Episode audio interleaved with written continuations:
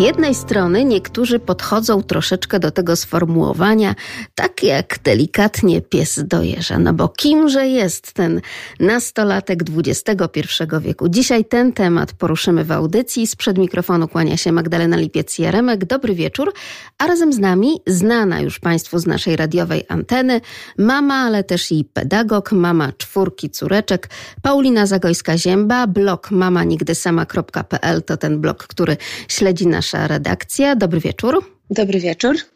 Są z nami także nowi goście i to dzisiaj w ich pokładach wiedzy i doświadczenia będziemy tak naprawdę się obracać. Agnieszka Stefaniuk, prowadząca bloga Family Fun by Mom. Dobry wieczór. Dobry wieczór Państwu, dobry wieczór. Witam Paulinę, witam Aniu.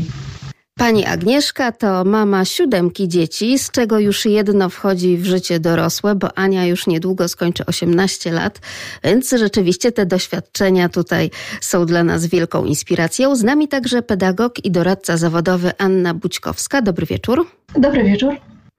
Na początek chciałabym, żeby panie troszeczkę zdefiniowały, być może tak jak panie to widzą, i pani Agnieszka, i pani Anna, i pani Paulina, kimżeż jest ten nastolatek XXI wieku i od jakiego wieku możemy mówić już o tym nastoletnim buncie, bo wiele osób mówi o tym, że teraz dzieci tak naprawdę o wiele wcześniej dojrzewają. Dojrzewają fizycznie, ale być może ta psychika delikatnie nie nadąża na tym, co dzieje się w ciele nastolatka. Pani Agnieszko. O, dziękuję za głos. Dobrze, więc ja, znaczy ja pierwsze zawsze jak skojarzenie mam takie pierwsze nastolatka, to mam takie właśnie, że to jest taki właśnie trochę niezgrabna fizycznie osoba, taka, która właśnie trochę jest przerośnięta, ma za duże uszy, za duży nos w stosunku do buzi, bo to zaczyna tak szybko rosnąć, długie ręce, nogi, niezgrabny w ruchach. I rzeczywiście ta nieporadność zewnętrzna też tak się właśnie um, uwewnętrznia też w tym, co mówi, e, jak myśli, jak zaczyna na nowo układać sobie sprawy i też relacje z nami rodzicami, relacje w rodzeństwie. To jest bardzo taki e, ciekawy proces e, i który tak naprawdę, na który nie jesteśmy przygotowani, bo każde z moich dzieci, w tej chwili mam czwórkę nastolatków w domu, przechodzi ten proces inaczej, ale jakbym miała określić ten właśnie, jak wygląda ten nastolatek, to jest coś takiego, nie? to jest taka postać, to jest mój, moje kochane dziecko, które wchodzi w taki właśnie e, trudny okres dla niego, trudny okres dla naszego właśnie, e, dla naszej mm, jakby współpracy, e, trudny okres dla mnie jako dla rodzica, bo też muszę się nauczyć na nowo na nowo jakby mm, nawiązywać tą relację z dzieckiem i e, natomiast jest to jest to, nie, znaczy chciałam powiedzieć, że nie boję się tego wieku moich dzieci i uważam, że wiek nastoletni jest wiekiem dla dziecka, kiedy odkrywa fascynujące ideały i jest i można naprawdę e, jakby fajnie, fajnie e, współpracować z dzieckiem też w tym etapie. Czwórka w domu nastolatków, czyli od jakiego wieku to już są Pani zdaniem jako mamy nastolatkowie? Czy rzeczywiście wtedy, kiedy już kończą te 10 lat i wiadomo, że każdy kolejny rocznik to jest ten nastoletni? Trochę tak umownie w domu tak mówimy, ale oczywiście ta granica jest bardzo płynna, prawda Aniu? I Paulina na pewno się z tym zgodzicie, mm -hmm. że wy jako specjaliści, tak, nie? Że tak, tak. nie jest tak, że na dziesiąte urodziny zmuchuje świeczki i nagle mm. robi pocha, przywracam oczami i zaczynają mi mhm. wyskakiwać pryszcze, nie? To nie jest, to nie jest takie proste i fajnie by było, gdyby to było takie proste. Ale rzeczywiście zaczyna się to bardzo różnie, bardzo płynnie i też właśnie sposób, w jaki te mechanizmy są też bardzo podobne, ale nasilenie tych mechanizmów jest bardzo różne nie? i zależy od bardzo wielu czynników e, i to już na pewno też więcej dziewczyny poopowiadają, natomiast, mm, natomiast trudno jest to tak określić. Natomiast no naście, no to naście, tak? Ja mam takie wrażenie, że nawet to się przesunęło do dziesiąt teraz.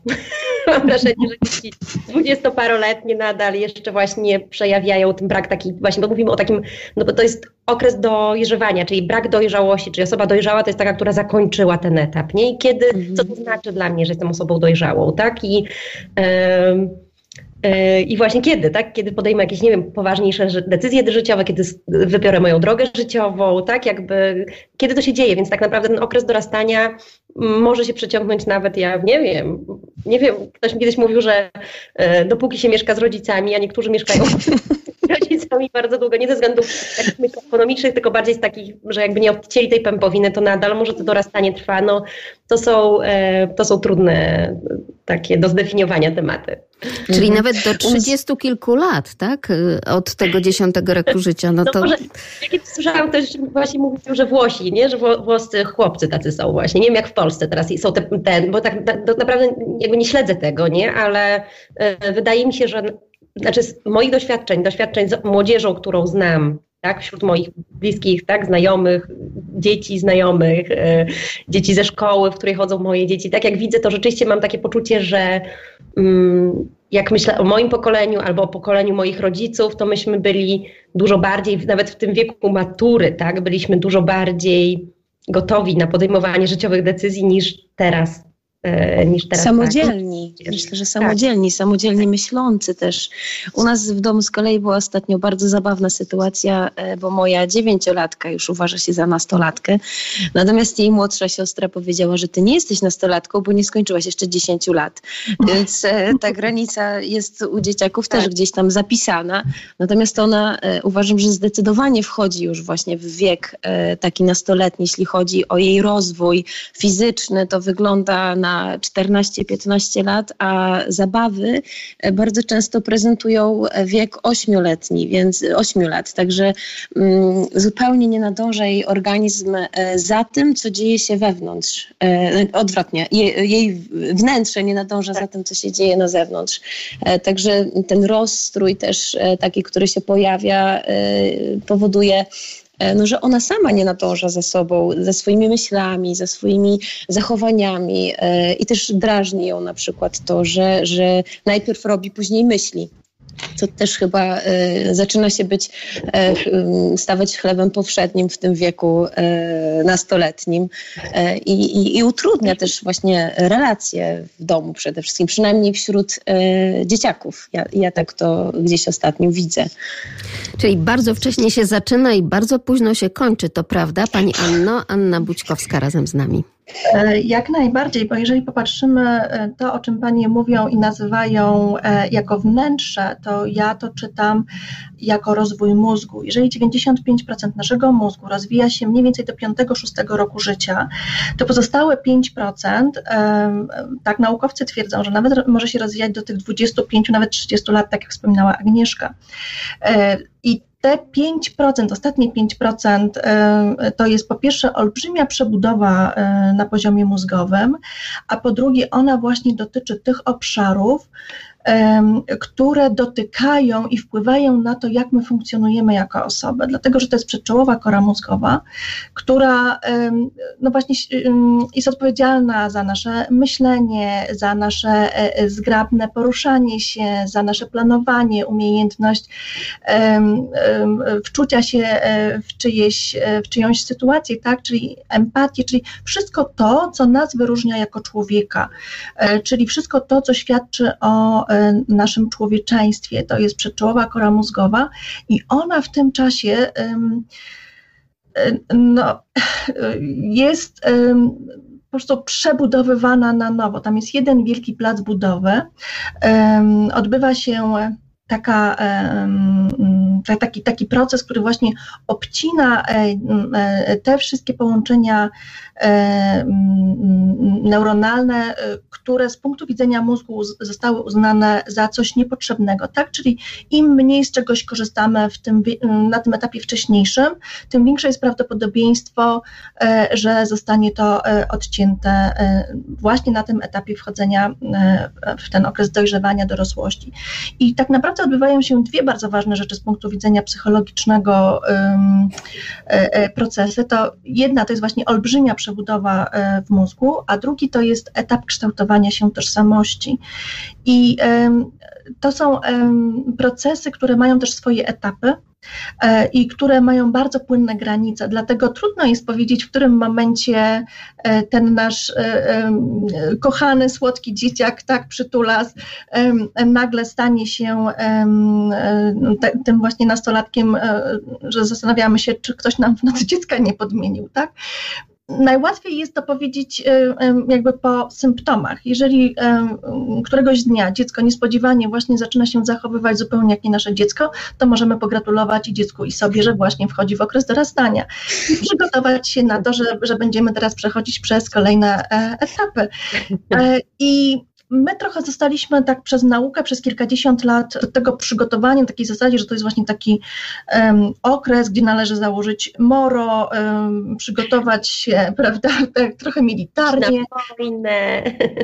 tak, zacisnąć zęby, przytrzymać, choćby nie wiem, co się działo, to przytrzymać.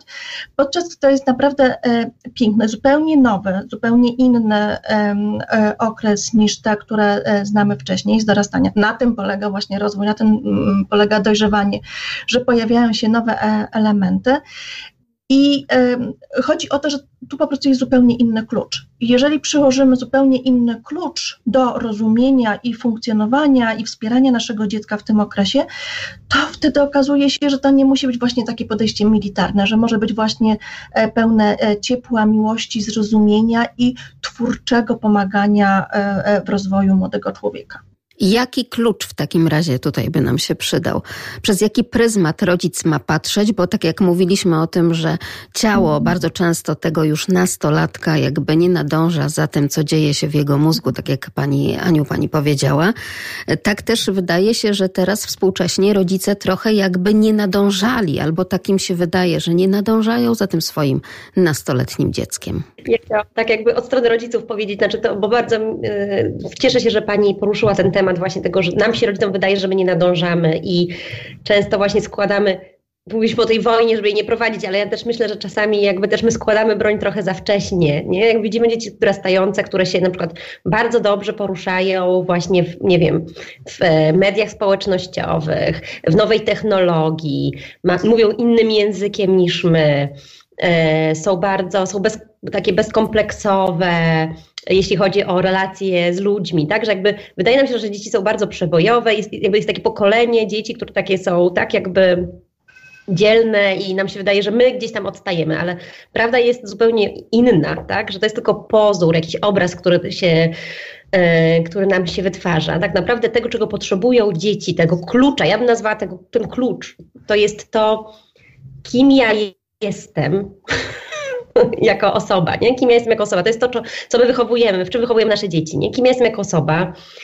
Jak mam sobie radzić z moimi uczuciami, z moimi emocjami? Jak mam sobie e, radzić z moimi mm, wadami, które posiadam, tak? E, jakimiś mm, okolicznościami, które mnie w pewnym stopniu ograniczają.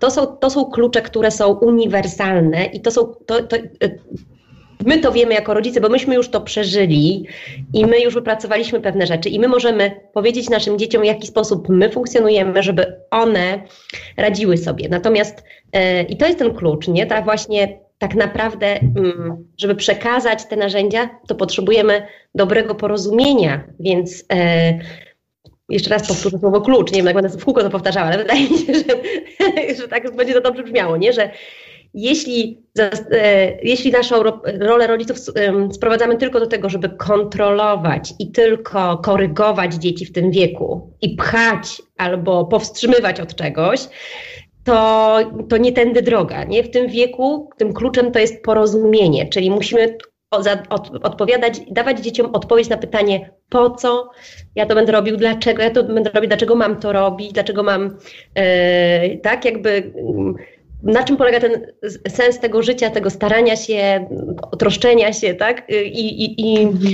e, i to jest, to jest ta, ta rzecz, tak? z której nikt inny nie zastąpi nas rodziców, nie? I e, może rzeczywiście odstajemy w sprawach technologicznych, może odstajemy w sprawach muzyki, bo też tak się mówi, że dzieci w tym wieku mają większą pamięć muzyczną niż, niż funkcjonalną mózgu, nie? Ale że jakby są tematy, które jakby nas rzeczywiście odstajemy od, od naszego dzieci, bo jesteśmy jesteśmy tym pokoleniem w tył, ale są rzeczy, którymi, którymi nadal jesteśmy um, takimi przewodnikami dla naszych dzieci, nie? I nie możemy mhm. kapitulować tutaj, tak? Tylko rzeczywiście, no nie kontrolą i nie korekcją, a bliską relacją możemy wprowadzać te zmiany i uczyć nasze dzieci.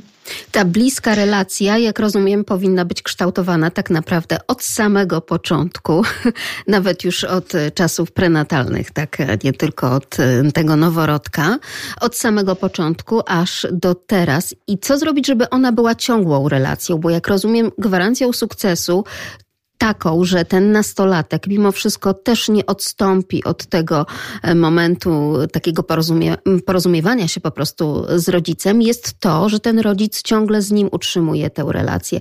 Ale co zrobić, żeby nie, ta relacja nie została przerwana? Jak nie przegapić tego momentu niebezpiecznego? Czy ja myślę, że tu jest właśnie kluczem zrozumienie, że zmienia się rola rodzica z e, opiekuna na towarzysza, na przewodnika, który pozwala również na popełnianie błędów i pozwala dziecku samodzielnie wyciągać wnioski z tego, co się wydarzyło, tak? Bo tak jak Panie powiedziałyście na początku, że y, kiedy my byłyśmy w wieku nastoletnim i zdawałyśmy y, maturę, to wydawałyśmy się dojrzalsze niż y, obecnie dzieci, tak? W tym, w tym wieku. Bo ja mam wrażenie, że my byłyśmy mniej chronione y, y, przez świat. jakby życie wymuszało na nas większą samodzielność. W tej chwili e, rodzice mają taką dużą tendencję do, do ochrony, do ułatwiania życia i do budowania jak największego komfortu swoim dzieciom, co jest zupełnie zrozumiałe e, ze strony rodzica.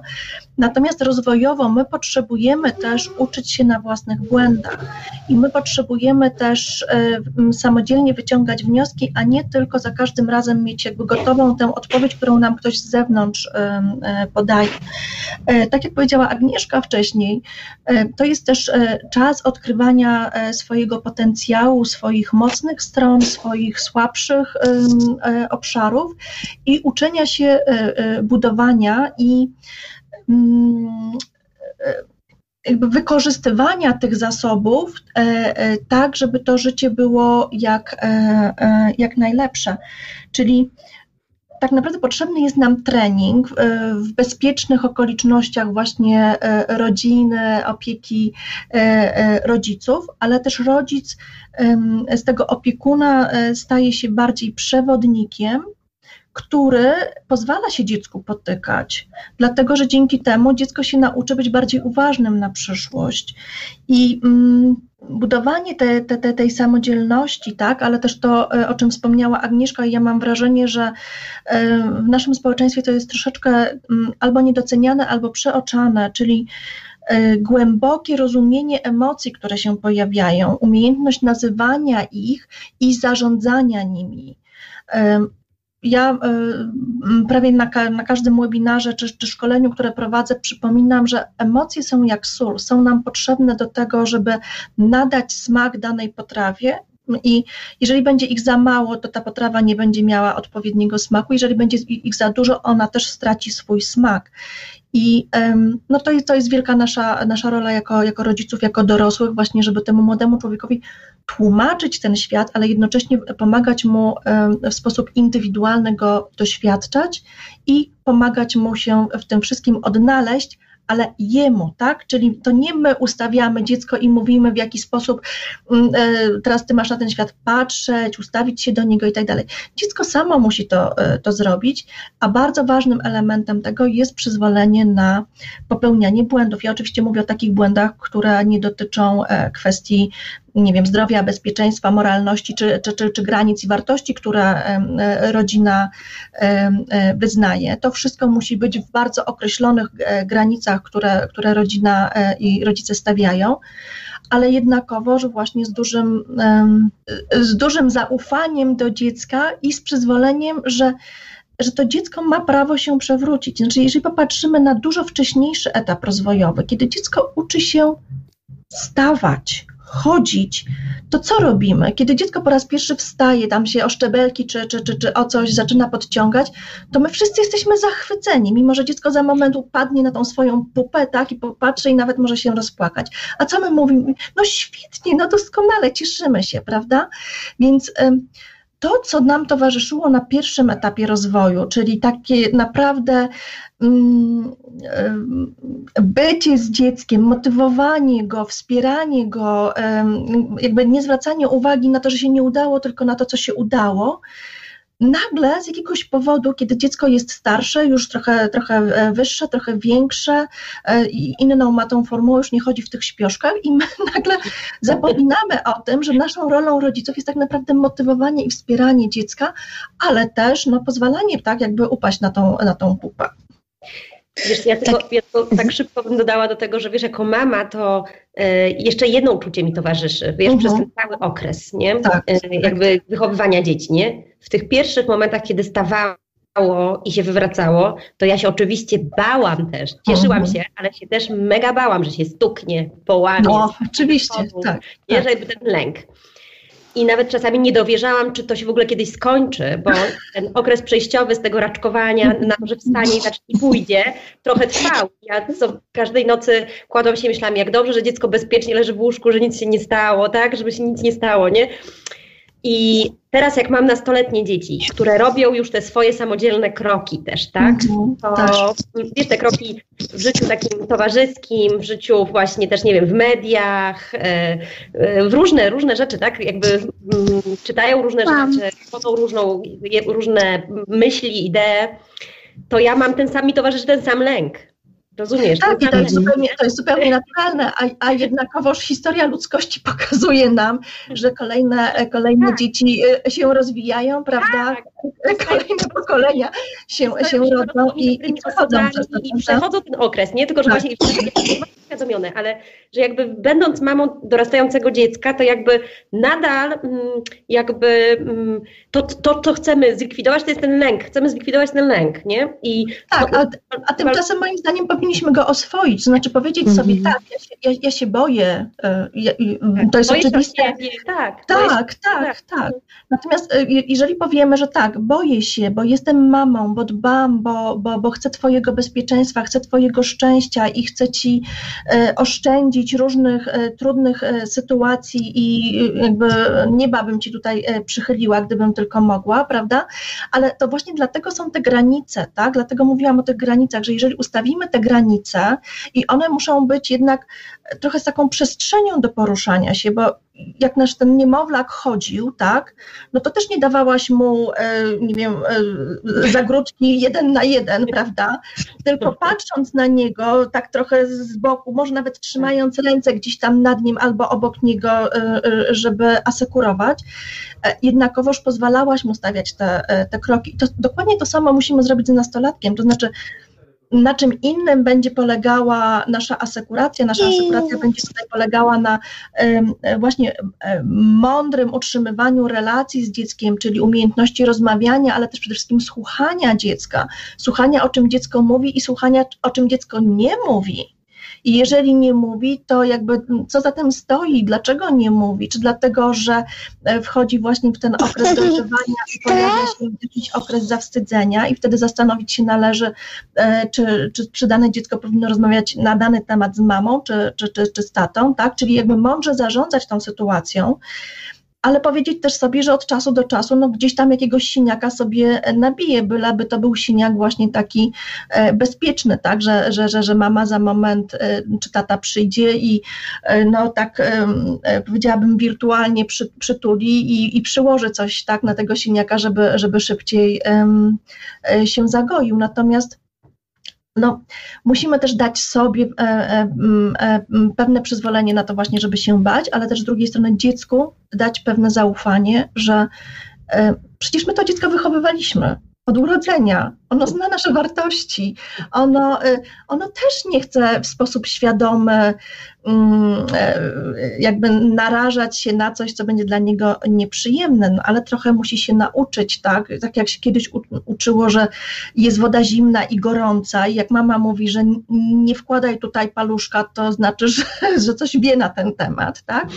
No ale pewnie e, ka, ka, każdy z rodziców na początku gdzieś tam robił jakieś takie bezpieczne eksperymenty z dzieckiem, że pokazywał właśnie, tu jest zimna woda, a tu jest gorąca, tak? I, i, i, to, i to może cię boleć, więc powiedziałabym, takie bezpieczne granice, ale też dające na tyle przestrzeni temu, temu nastolatkowi, żeby on miał w ogóle możliwość oddychania i trochę rozejrzenia się po tym świecie. Ale tak, rozumiem, rozumiem lęk, który towarzyszy rodzicowi i rodzic nie powinien walczyć z tym lękiem, tylko powinien go oswajać i mówić, że tak, i to jest jak najbardziej naturalne.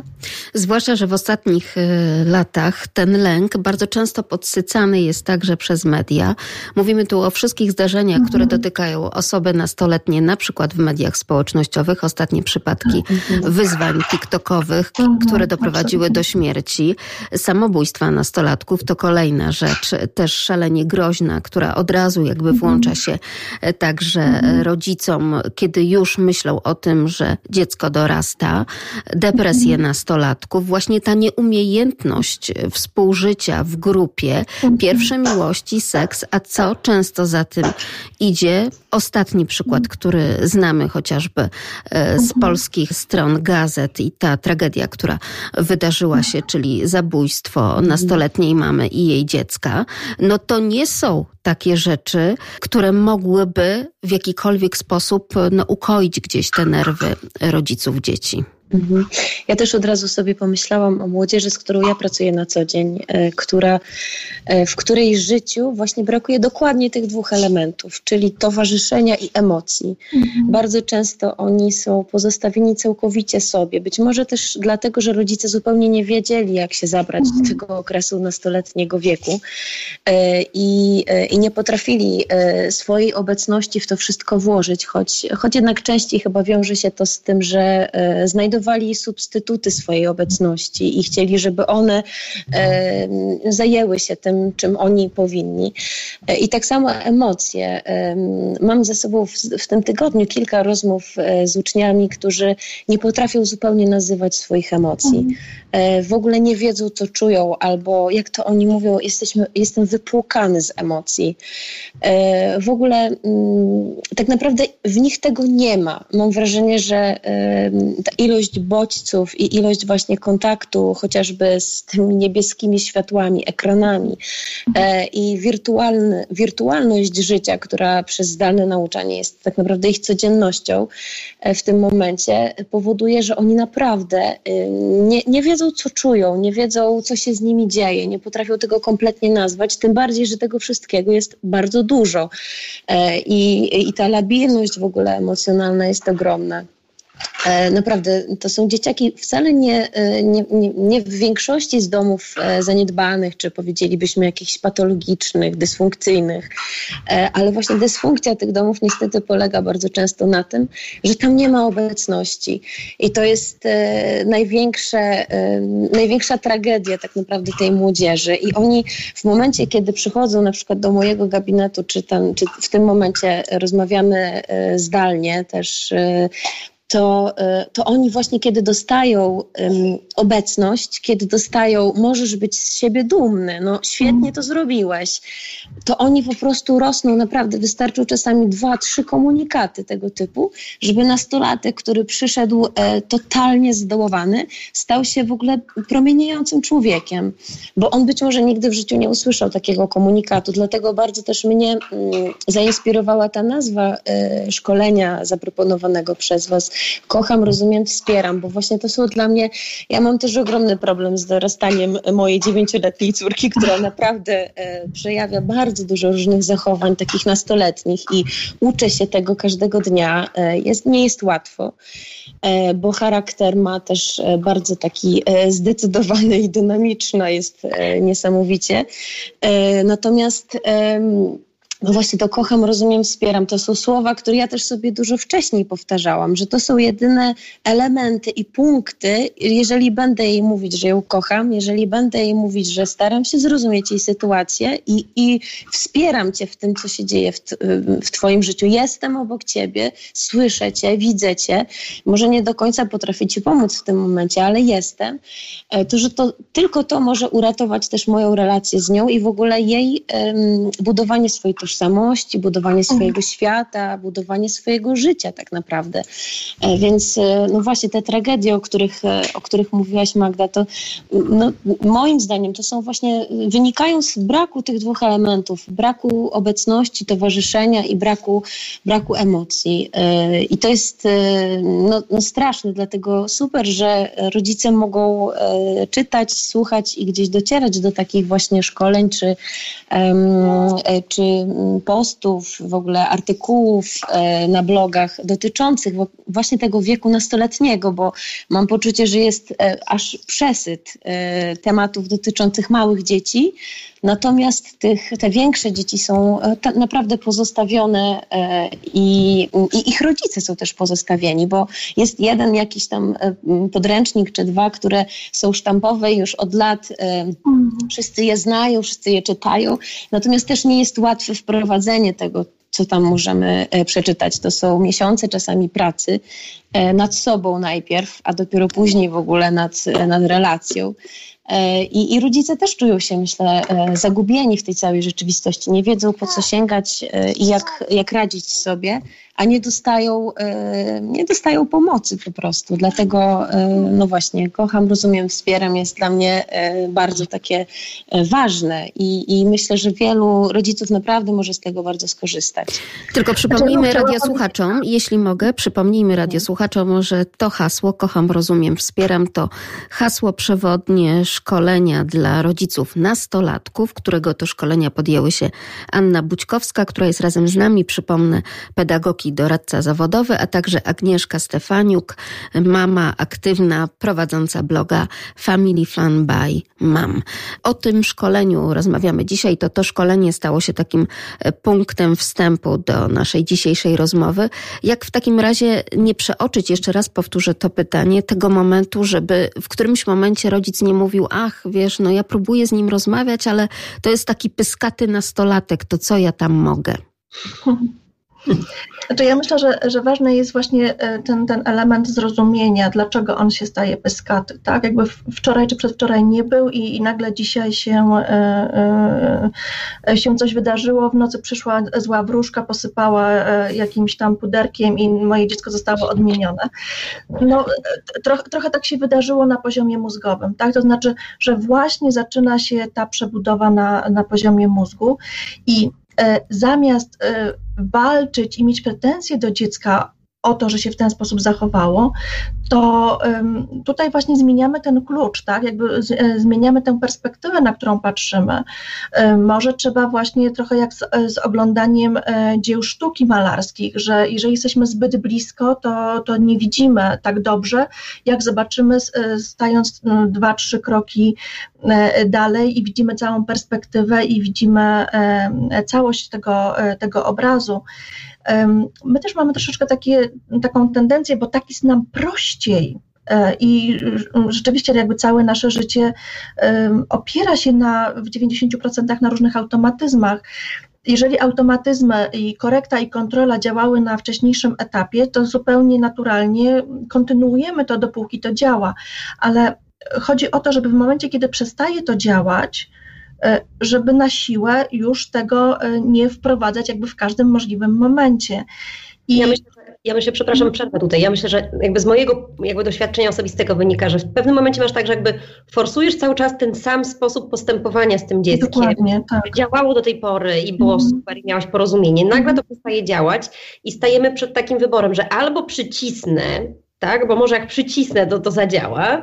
Nie wiem, właśnie ograniczę czas, znowu mu jakąś karę zadam, albo właśnie pozbędę, pozbędzie się jakiegoś przywileju, albo zrobię mu właśnie jakąś marcheweczkę, czyli czymś go zachęcę do poprawy, do pracy, tak? Jakby na różne pomysły wpadają rodzice, albo odpuszczają.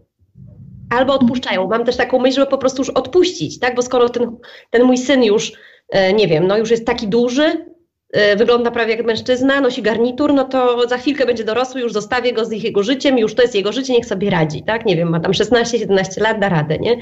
Więc, e, więc takie dwie też, takie dwie pokusy, tak? Żeby jakby nie szukać innego rozwiązania, innego sposobu na zbudowanie mostu porozumienia ze swoim dzieckiem, tylko właśnie albo się tak radykalizujemy i właśnie stworzą się dwa fronty, albo właśnie odpuszczamy totalnie, bo już mówimy, oby przeczekać tylko jeszcze rok, jeszcze dwa i się chłopakowi tam albo dziewczynie poukłada w głowie, tak? Samo, nie? Tak, znaczy ja myślę, że w, że w tym momencie bardzo ważne jest też, żebyśmy my jako, jako dorośli, jako rodzice nauczyli się też mówić o swoich emocjach, tak? Jeżeli dziecko robi coś, co mnie zaskakuje, a często mnie boli, no bo powiedzmy sobie szczerze, no, są, są w wieku nastoletnim takie zachowania, które, które będą nas bolały, to żebyśmy my o tym umieli mówić, dlatego, że to jest też informacja zwrotna dla dziecka. E, jeżeli my e, właśnie się radykalizujemy i zaczynamy mocno ściskać tę sprężynę, to ona wcześniej czy później e, odskoczy i odskoczy z dużo większą siłą. Jeżeli dajemy dziecku przestrzeń, ale tak jak powtarzam, w określonych granicach, które są nieprzekraczalne w naszym domu, w naszej rodzinie, te, te, te, te dzieci nie są głupie, one są wręcz bardzo inteligentne i widzą, co im się opłaca i, i widzą, skąd mogą czerpać e, wsparcie, ale też często jest tak, że dzieci zachowują się świadomie bądź nieświadomie e, w taki sposób, żeby sprawdzić te granice i żeby mieć pewność, że właśnie ktoś jest, ktoś dorosły, e, kto ich wspiera, kto im, e, kto im, pom, e, kto im pomaga, na kogo mogą liczyć. Ja tutaj sobie przypominam e, kilka takich mm, opowieści e, mam, które e, właśnie doświadczały takiej trudności w relacji z dzieckiem, jakieś tam tematy były ciągle przepracowywane i wydawało się, że one po prostu będą wałkowane do końca świata. E, po czym e, z innych domów zaprzyjaźnionych, ni z tego nizowego, e, z rozmowy z inną mamą dowiadują się, że wiesz, a twoje dziecko na przykład wczoraj było u nas i tłumaczyło mojemu dziecku to, to, to, to i to, tak? Ja to próbuję tłumaczyć od miesięcy i w ogóle nie słucha i odrzuca, a przyszło twoje nastoletnie dziecko i wytłumaczyło jak trzeba i rodzic nagle słyszy swoje własne słowa u swojego dziecka, E, dlatego że to dziecko potrzebowało zweryfikować pewnego rodzaju wiedzę, pewnego rodzaju doświadczenie. I ponieważ wiedziało, z czym się będzie mierzyło też wśród e, rówieśników, potrzebowało dużo nazbierać tego, tak? Ale to, to, jest bardzo częste, bardzo częste doświadczenie właśnie rodziców, że kiedy już im się wydaje, że po prostu no, to jest jakaś studnia bez dna, to wtedy okazują się e, takie, takie niespodzianki. Wydaje się, że taką ogromną obawą, jaką mają rodzice nastolatków i tą taką gorącą wodą do sparzenia się takiego nastolatka są relacje rówieśnicze, pierwsze miłości, pierwsze fascynacje i co za tym w konsekwencji idzie, pierwsze doświadczenia seksualne. No badania wszystkie mówią nam o tym, że ten wiek inicjacji seksualnej bardzo się nam tutaj obniżył, tych pierwszych doświadczeń seksualnych i jak zrobić, jak tak naprawdę poznawać swoje dziecko także od tej strony, jak znowu nie zgubić tego momentu, no tak ważnego doświadczenia w życiu dziecka. Mówi Agnieszka Stefaniuk. To może ja powiem, bo rzeczywiście e, to jest taki temat też, jak ja gdzieś poruszam właśnie temat nastolatków u siebie, to też od razu dostaję, dostaję bardzo dużo wiadomości na ten temat, nie? Jakby i mówimy o, mówi się o wychowaniu, tak jakby, jeśli chodzi o tą inicjację wczesną seksualną, to jakby w tym chciałam tak jakby temacie odpowiedzieć, to właśnie o wychowaniu seksualnym, o przygotowaniu jakby do tego, nie? Jakby jak do tego tematu podejść jako rodzice i e, to trzeba mieć naprawdę ten temat dobrze przemyślany jakby w rodzinie, tak? To znaczy mama i tata muszą mieć ten temat przemyślany i po pierwsze swoim przykładem od początku jakby życia w rodzinie pokazują w jaki sposób y, są, układają się relacje między mężczyzną i kobietą, więc to jest taka y, też rzecz, której nie wolno bagatelizować. Nie, Jak, mm, jakby nie, nie jesteśmy oddzielnymi relacjami, tylko żyjemy w takim, takim małej komórce, tak, która jest te relacje się przenikają, nie? Więc ja zawsze mówię, że z takich dwóch najbardziej podstawowych potrzeb dzieci, które ja widzę u swoich dzieci, to jest to, żeby widziały, że mama i tata się kochają, naprawdę, i okazują sobie tą miłość. To nie chodzi o takie gruchające gołąbki i non-stop jakieś właśnie, nie wiem, prezenty, kwiatki, to nie jest taki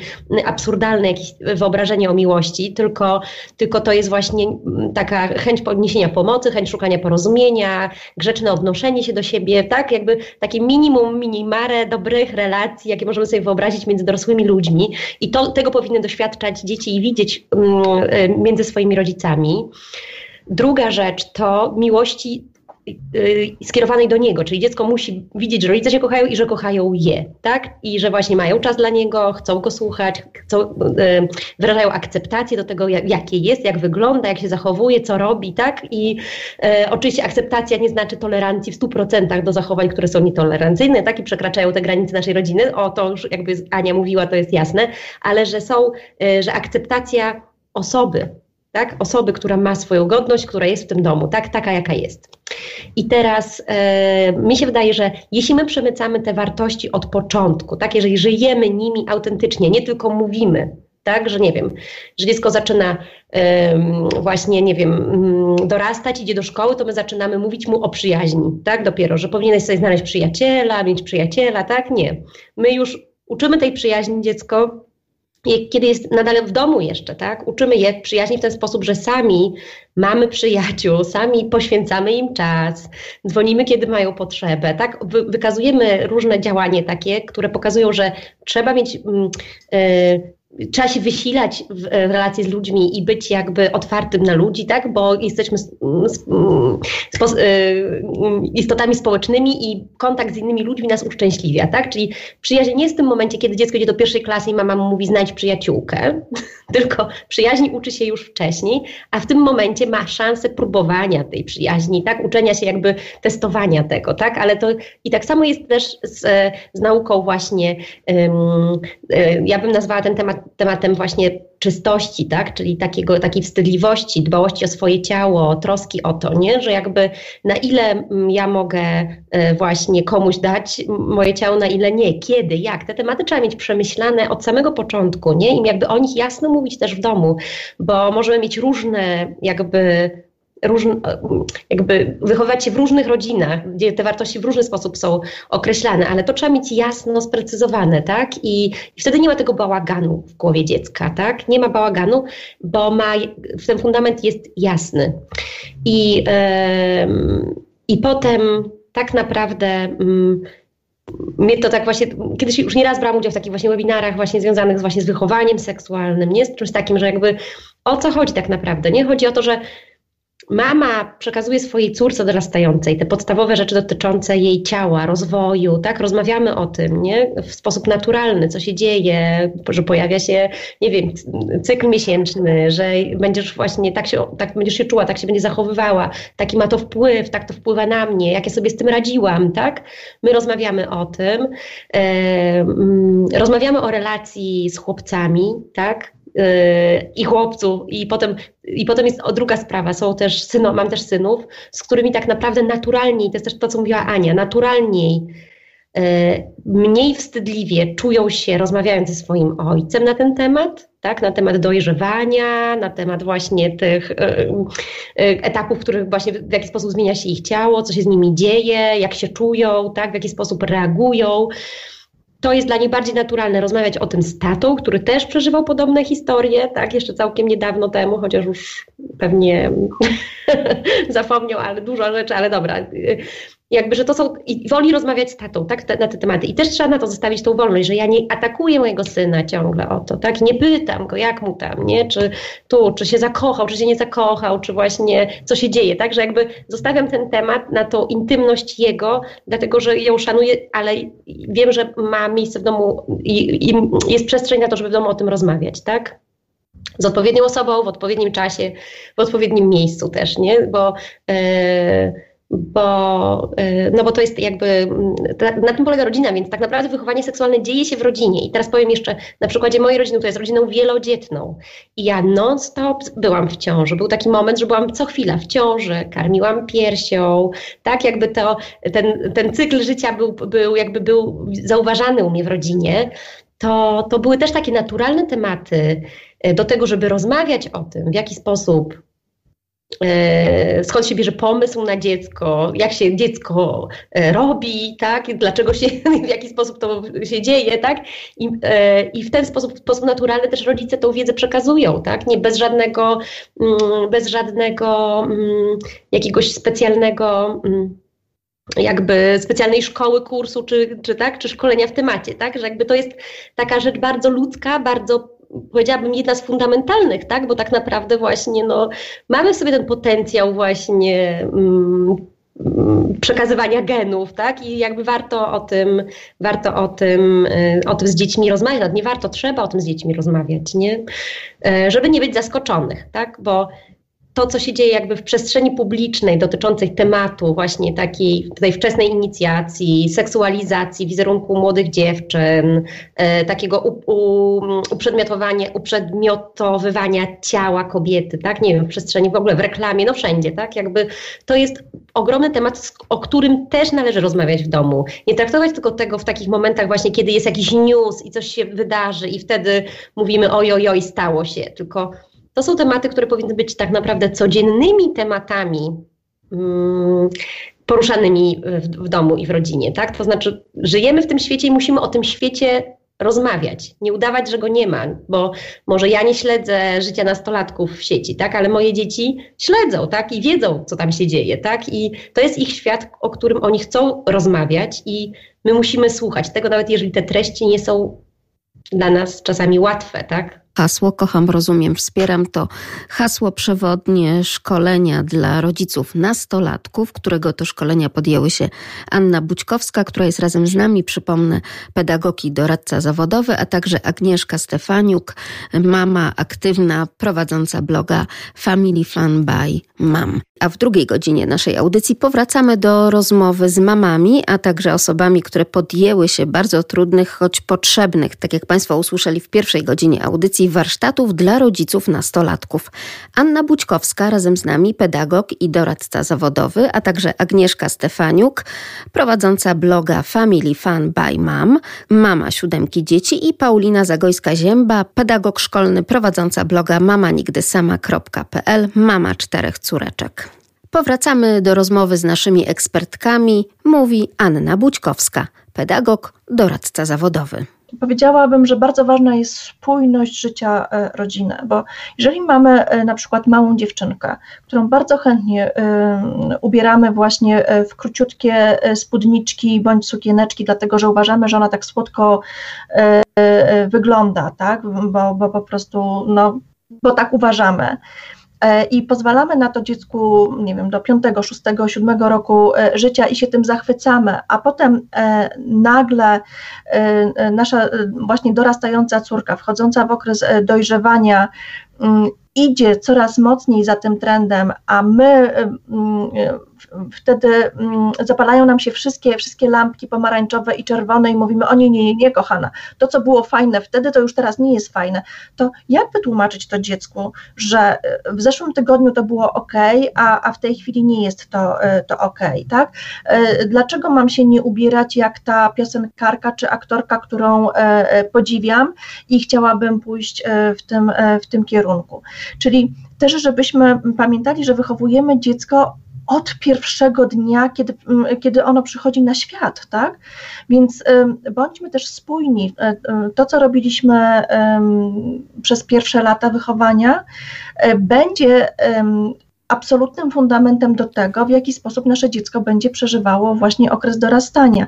Jeżeli my sobie nagrabiliśmy, nawet nieświadomie, tak, różne rzeczy w tym okresie przed dorastaniem, no to, to, potem mamy trochę więcej do odgarnięcia i mamy nie tylko jakby e, wyzwania połączone z, e, z okresem dorastania i zmianą tej perspektywy i, i korzystaniem z nowego klucza, ale jeszcze musimy uporządkować rzeczy, które przynieśliśmy jakby z dobrodziejstwem inwentarza. I teraz mm, jeszcze, jeszcze wracając do tego, co na samym początku e, Agnieszka mówiła, bardzo ważne jest to, żeby mm, dziecko czuło naszą miłość, ale też umiało siebie kochać. Bo jeżeli dziecko siebie kocha jeżeli wie, że jest kochane przez innych i rozumie dobrze, na czym ta miłość polega, e, to wtedy jest mniej skłonne do zachowań ryzykownych, w szczególności tych właśnie e, seksualnych, dlatego że nie szuka albo mniej szuka te, tego, bym powiedziała, Y, substytutu tak miłości, w szczególności u dziewczyn, które są bardzo emocjonalne, które potrzebują właśnie mieć takie poczucie, że dla kogoś są ważne. Jeżeli dla rodziców będą ważne, jeżeli będą same umiały siebie kochać i akceptować takimi, jakie są, niezależnie od tego, czy są e, piękne, zgrabniutkie i długonogie, czy, czy wręcz przeciwnie, e, pełne piegów, tak, i e, mające lekką nadwagę, chodzi o to, żeby akceptować i kochać siebie takimi, jakimi jesteśmy, dlatego że wtedy rośnie nasze poczucie e, wartości. I jeżeli znamy swoją wartość, to więcej świadomych operacji ma szansę e, zajść właśnie na wspomnianej wcześniej przedczołowej korze mózgowej, kiedy wchodzimy w sytuacje, które dla nas są no, e, pełne pokus. Tak? tak. I druga rzecz, e, to też Agnieszka o tym e, mówiła, natomiast mm, ja, ja, się też zajmowałam przez, przez jakiś czas ochroną dzieci przed e, dostępem do, do pornografii. No i też nie bądźmy naiwni jako rodzice. Nasi, nas, nasze dzieci bardzo wcześnie mają dostęp do, do różnego rodzaju filmów pornograficznych. I mm, nawet nie muszą tego zrobić intencjonalnie, mogą e, na takie materiały wejść zupełnie nieintencjonalnie. Pornografia znajduje nasze dzieci, tak? Nawet tak, jeśli dokładnie, dokładnie, do, dokładnie tak treści, jest. Treści znajdują je po prostu, tak. Tak, tak. i teraz jeżeli wiemy, że większość dzieci w Polsce um, miało um, pierwszy kontakt z treściami pornograficznymi przed ukończeniem 12 lat, to znaczy, że równie dobrze mogło się odbyć wtedy, kiedy miały 11-10, ale też wiemy, że są y, uzależnione od pornografii sześciolatki. I teraz, jak to jest możliwe? Skoro sześciolatek w ogóle nie ma um, obudzonej seksualności w sobie, co takiego się dzieje z tym dzieckiem, że ono nie rozumiejąc tego, jakiego rodzaju są to treści, wraca do nich. Kolejna rzecz to jest olbrzymi biznes, który chce nam, znaczy nam, chce sobie e, e, lojalnego klienta wychować i wie, że im wcześniej dotrze do takiego klienta, tym, tym większa będzie ta lojalność i to modelowanie zachowań, tak? Czy dziecko e, w dzisiejszych czasach e, poszukujące właśnie, nie wiem, taki chłopak dorastający, który powiedzmy sobie szczerze, czego on szuka? No on szuka po prostu gołych piersi zazwyczaj, tak? I wpisuje, nie wiem, gołe cycki albo, albo piersi kobiety i, i w wyszukiwarkę i, i dostaje coś, na co jest kompletnie nieprzygotowane ale nie mając zielonego pojęcia właśnie na co patrzy, jednocześnie od razu ma modelowany obraz relacji damsko-męskich. I czego on się z, z, tego nauczy? Na pewno nie nauczy się delikatności, na pewno nie nauczy się szacunku, na pewno nie nauczy się bliskości, na pewno się nie nauczy um, jakby rezygnowania z siebie na, e, na rzecz drugiej osoby, tak? Więc też miejmy świadomość tego, że y, owszem, seksualizacja y, obecna rzeczywiście wszędzie y, i otaczająca nas ze wszystkich stron, to jest jedna rzecz, ale taka, taka pani socjolog, Gail Dines, dr Gail Dines ze Stanów Zjednoczonych, która od 30 lat studiuje to zjawisko, ona nazywa seksualizację po prostu miękkim podbrzuszem właśnie pornografii, tak? Więc dzieci, które są przyzwyczajone do, do oglądania czy, czy, czy bycia w, w środowisku mocno zseksualizowanym również dokonują tak zwanej autoseksualizacji, w szczególności dziewczynki, dlatego że mają takie zupełnie mylne wyobrażenie, że to świadczy o ich atrakcyjności, tak? Że żeby być atrakcyjnym, żeby być dla kogoś wartościowym, żeby być kochanym, to że one muszą coś zrobić w związku z tym i że muszą to zrobić w określony sposób. Dlatego bardzo dużo od tego, jak y, y, dziecko i my przeżywamy właśnie ten okres dorastania naszego dziecka, zależy od tego, co się działo na wcześniejszym etapie. Ale też druga rzecz, niezależnie od tego, co się działo na wcześniejszym etapie, zawsze jest dobry moment, żeby rozpocząć budowanie właśnie bliskości, porozumienia, o którym tak dużo i ładnie mówiła Agnieszka, komunikacji, udrażniania tej komunikacji, ale ja bym powiedziała, że w wieku nastoletnim my jako rodzice powinniśmy zdecydowanie mniej mówić, a więcej słuchać. E, I słuchać właśnie tego, co jest i czego nie ma, czego brakuje, i, i szukać tego powodu, dlaczego pewnych rzeczy nie ma, tak? Albo dlaczego te rzeczy, które brzmią, to dlaczego tak brzmią, i nie zakładać od razu, że my znamy odpowiedź. I też e, pani Paulina wcześniej mówiła taką bardzo ciekawą e, rzecz, która moje ucho dotknęła, to to, że my jako rodzice bardzo często zapominamy, że my patrzymy na zachowanie dziecka właśnie z perspektywy nas jako rodzica, czyli osoby dorosłej, mającej już swoją mądrość, mającej swoje doświadczenie, e, swoje spojrzenie na, e, na życie. a zapominamy, że dziecko dopiero tego wszystkiego się uczy. I um, musimy się nauczyć trochę właśnie zmieniać te kapcie, tak? To znaczy, jakby, jeżeli się coś dzieje z naszym dzieckiem, to zróbmy takie ćwiczenie i zastanówmy się, jak to wygląda właśnie z perspektywy naszego dziecka. Bo my trochę tak, um, powiedziałabym, ucinamy za szybko, ucinamy albo um, um, wręcz wręcz odmawiamy, tak? Odmawiamy pewnych emocji, mhm. pewnych doświadczeń. E, jeżeli ja mam większą łatwość w nawiązywaniu relacji, a moje dziecko ma z tym większą trudność, to łatwo mi jest powiedzieć, no co ty, no nie wiem, podejdź tam, nie wiem, zagadaj z nim albo zadzwoń do niego, bo, bo nam się to wydaje takie super proste, bo dla nas to jest naturalne, ale dla naszego dziecka wcale takie nie musi być. I teraz chodzi o to, jeżeli chcemy naprawdę pomóc naszemu dziecku, to y, ćwiczmy w sobie taką uważność i umiejętność patrzenia na świat oczami naszego dziecka. Wtedy dużo więcej zrozumiemy, ale też dużo więcej będziemy mogli mu pomóc. Mhm. Ja myślę też, że brakuje nam bardzo często wrażliwości w ogóle na, e, na wrażliwość dziecka, bo e, jednak one są zdecydowanie bardziej delikatne i właśnie to, co pani e, Aniu pani powiedziała, że my przez to swoje doświadczenie już różnych sytuacji, bardzo często właśnie taki rodzic, który mówi, no weź idź, podejdź, no co ty, co, co się boisz, to to jest ten, który jak miał 10 czy 12 lat też się bał podchodzić, tylko jemu też prawdopodobnie ktoś powiedział, aj weź, no co ty, co się boisz, idź podejdź, zapytaj, nie? Nie ma nic strasznego. Nie zapytał o, y, o to, czym jest spowodowany ten lęk, albo czego tak naprawdę się boi, co go zatrzymuje. Nikt e, być może nie zadał mu pytania właśnie o to, jak się czuje, co, co się dzieje z nim, że, że nie może zrobić takiej, e, tego czy tamtego.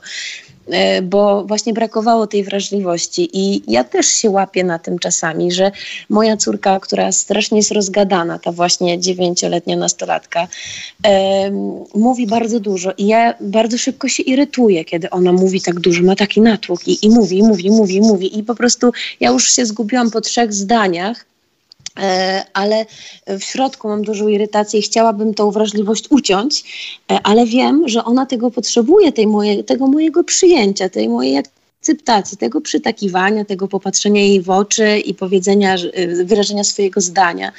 E, bo właśnie mam też mm, mam takie wrażenie, że, że przez ten brak wrażliwości e, właśnie ucinamy bardzo szybko i też nie dajemy w ogóle dzieciom przestrzeni e, na wyrażanie siebie, na to, żeby one w ogóle zaistniały w tym swoim dojrzewaniu w naszym domu. I mm, tutaj od razu mi się też nasuwa jeszcze jedna sytuacja z wczoraj dokładnie, kiedy rozmawiałyśmy właśnie z, z koleżanką o sytuacjach takich, e, e, w których może dochodzi do samobójstwa i, i dziecko w depresji przychodzi do rodzica i, i na przykład mówi, że e, mam myśli samobójcze, mamo i cisza. I rodzic, y, myślę, że ja też, gdybym miała mniejszą świadomość, mogłabym tak zareagować. Bardzo często y, okazuje się, że mówi, no co ty, co ty, idź się przewiedz, przejdzie ci. E, ale, ale właśnie nie ma zrozumienia dla tej sytuacji, że y, nawet pytanie, e, które bardzo uwalnia dziecko, pytanie o to, e, ale jak chcesz to zrobić? E, albo e, kiedy, czy, kiedy chcesz to zrobić. I to na przykład powoduje już uwolnienie. Jeśli dziecko zaczyna z nami rozmawiać, to znaczy, że to rzeczywiście może być coś, co się dzieje w jego głowie, w jego życiu. I tak samo jest też pewnie w innych sytuacjach, że nie mamy tej wrażliwości, nie mamy takiego wyczucia, kiedy warto y, zadać pytanie, y, a, kiedy, a kiedy właśnie na przykład odciąć jakąś rozmowę, bo rzeczywiście może y, mija się z celem, prawda, że, że granice są też przekraczane. I tej wrażliwości wrażliwości mm, myślę, że no mnie jako mamie bardzo e, brakuje niejednokrotnie i myślę, że brakuje wielu rodzicom i dlatego e, takie różne e, tragedie nastolatków mają miejsce dzisiaj. Mm, zwłaszcza kiedy są też atakowani dookoła e, sytuacjami i propozycjami poradzenia sobie w tych sytuacjach. E, no właśnie, na przykład korzystając z, e, czy z pornografii, czy z mm, na przykład samookaleczeń i, i różnych innych tego typu zachowań trudnych i niebezpiecznych. Drogie panie, czy taki rodzic nastolatka, który odwołuje się do własnych doświadczeń wtedy, kiedy sam był nastolatkiem, e, trochę przypadkiem nie wpada w pułapkę, bo jednak e, no, świat się zmienił.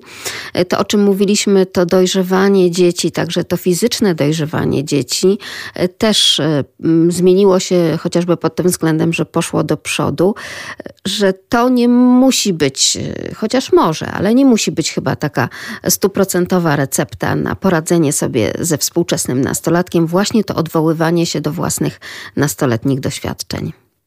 To ja myślę, e, że mm, jeżeli to jest nasza taktyka, jeżeli to jest nasz sposób na reagowanie w każdej sytuacji, to my wtedy tak naprawdę odbieramy e, tożsamość naszemu dziecku, tak? Bo nasze dziecko, pomimo tego, że e, jest naszym potomkiem, nosi w sobie jakąś część naszego DNA, to jednakowoż ma to w indywidualny sposób ukształtowane i w związku z tym jest odrębną od nas osobą, która również ma być może inaczej ułożone e, swoje, e, swoje potrzeby.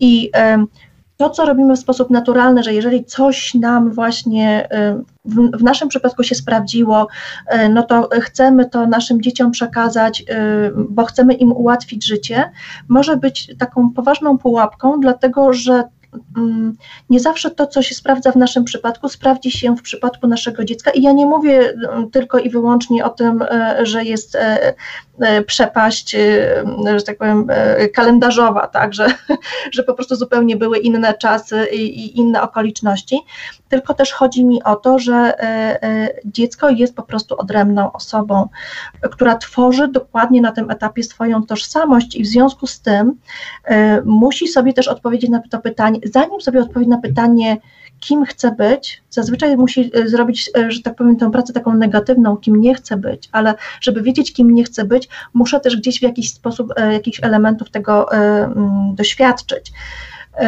I nasza, jako rodziców i dorosłych, w tym głowa, żeby to było zrobione w sposób bezpieczny. Natomiast odwoływanie się e, do, e, ciągle do, do, do swojego doświadczenia jako e, jedynego możliwego podejścia i zrozumienia danej sytuacji, ja myślę, że bardziej uczy nasze dziecko, że nie należy w ogóle do rodzica przychodzić i, i opowiadać o swoich problemach, dlatego że jakby bardzo szybko uczymy, że właśnie jakby po pierwsze nie pomagamy dziecku zrozumieć tej sytuacji, jakoś jej rozłożyć na czynniki pierwsze i jakby zbudować ją na nowo, e, tylko dajemy e, gotowe rozwiązania, które wcale nie muszą e, się sprawdzać, a też rozwojowo potrzebne jest to, żebyśmy my sami budowali różne, różne swoje doświadczenia i strukturę wiedzy. I po prostu bardzo szybko uczymy dziecko, żeby ono do nas nie przychodziło, i w związku z tym to, o czym tak bardzo marzymy, czyli ta relacja bliskości, komunikacji, której oczekujemy i na, na, którą później sobie tak narzekamy, że, że, że to jest takie zminimalizowane, bardzo często my nieświadomie, właśnie żyjąc na takich automatyzmach i próbując skracać różne, e, różne rzeczy, my sami jesteśmy autorem takiej sytuacji. Czyli z, z, mojego punktu widzenia powiedziałabym, że raz na jakiś czas powiedziałabym, że wiesz, gdybym ja była na Twoim miejscu, ale ja, będąc sobą, tak, ze swoją osobowością, ze swoim temperamentem, ze swoim doświadczeniem, zrobiłabym to tak czy, czy, czy, czy, czy tak. Natomiast to, to, to jest jakby Twoje zadanie, tak, odnalezienia się w tej sytuacji i ja Ci mogę pomóc się zastanowić nad tym. Znaczy ze swojego doświadczenia to wiem, że dzieci bardzo lubią słuchać o porażkach, jakie rodzice przeżywają. Nie o tych sukcesach, tylko lubią jako właśnie im, jak mi się wydaje, że ich życie jest takie właśnie, jakby coś tam im nie idzie, to jak się właśnie coś im opowie takiego, słuchaj, no na przykład nie wiem, że nie wiem, nie dostałam się na wymarzone studia, nie? Albo że coś się takiego wydarzyło, to mam takie poczucie, że to daje też takie, takie, taką realność nas, czasami takich wyidealizowanych rodziców gdzieś tam w głowie, nie? Że, że no moja mama czy tam mój tata to na pewno nigdy nie miałby takich kłopotów, jak ja mam, tak? Ale, a, e, a tak naprawdę tak sobie pokazujemy, że też mieliśmy kłopoty, też mieliśmy trudności, to to jest jakby też czasami taka właśnie śmieszna rzecz, natomiast rzeczywiście to ciągłe mówienie, że wiesz, ja mm, miałam tak jak ty, albo też, ta, też to przeżywałam, to jest okropne i nawet mi kiedy dosłownie jedno z moich dzieci zwróciło na to uwagę, powiedziało, że nie chcę słuchać o twoim życiu, mamo, bo to jak chciałam, chciałam ci powiedzieć o moim życiu, dokładnie tak, nie? O mojej sytuacji, nie o twojej. Ja nie chcę teraz tego słuchać, nie? Więc Więc e, tak mi to uderzyło, że rzeczywiście to jest nieznośne nie? I, e, i trzeba unikać rzeczywiście tego. Wystarczy czasami nawet, bo e, ta bezradność taka w tych sytuacjach, nie? Jak dziecko opowiada o jakimś kłopocie i my wiemy, jak sobie z tym poradzić, tak? Ale, ta, ale jakby tak pozostać trochę na tym takim właśnie zawieszeniu, że nie wiem, spytać sobie, no i co z tym zrobisz? Albo czy już wiesz, co z tym zrobić? Albo, e, albo właśnie, jak właśnie, no nie, nie, wiem, jakby co planujesz w związku z tym, tak? To zostawienie nawet z tym pytaniem, jeśli w tym momencie dziecko nie zna odpowiedzi, jest dużo naprawdę lepsze i to jest taki most, który się tak naprawdę buduje, bo jest, ko, bo jest kolejna jakby szansa na to, żeby znowu porozmawiać i znowu nawet w tej samej sprawie posłuchać, co to dziecko tam przemyślało, nie? Więc e, to nie chodzi o to, że my mamy być takim bankomatem dobrych rad, bankomatem -hmm. też znaczy pieniężnym i też dobrych rad i, i takim bankomatem właśnie załatwiania e, e, tych właśnie e, takich przemyśleń życiowych naszego dziecka, nie? To nie o to chodzi, nie? Natomiast jeszcze jedna rzecz, tak jakby mi tam gdzieś, yy, wydaje mi się, że nie, tak nie wybrzmiała, znaczy wybrzmi, powiedziałaś Aniu o tym, że nasze dzieci dorastając, jeszcze chciałabym wrócić trochę do tego klimatu, w jakim są wychowywane, nie domu mhm. rodzinnego, ale też społeczeństwa, w jakim żyjemy, tak, i tych mediów, które otaczają nas. To też ważne jest to, że my tak bardzo troszczymy się jako rodzice o dietę dziecka, nie? I pewnie Paulina się zgodzisz, nie? Że te wszystkie blogi, portale dla moich dzieci są bardzo no tak. nasycone treściami związanymi z odżywianiem, nie? Jak odżywiać, żeby dzieci były zdrowe, co jeść, w jaki sposób jeść, w jakich porach, skąd brać te eko przekąski, nie? I różne rzeczy. Mhm. Natomiast prawie w ogóle nie mówi się, albo się bagatelizuje ten temat, albo traktuje się go z przymrużeniem oka, bo która z mam nie daje dzieciom tabletu, tak, żeby mm-hmm. zamiast niańki, nie, żeby mieć chwilę spokoju. Że za, za, zapomina się o tym, czym my karmimy mózg naszych dzieci, jakie treści dajemy naszym dzieciom, tak?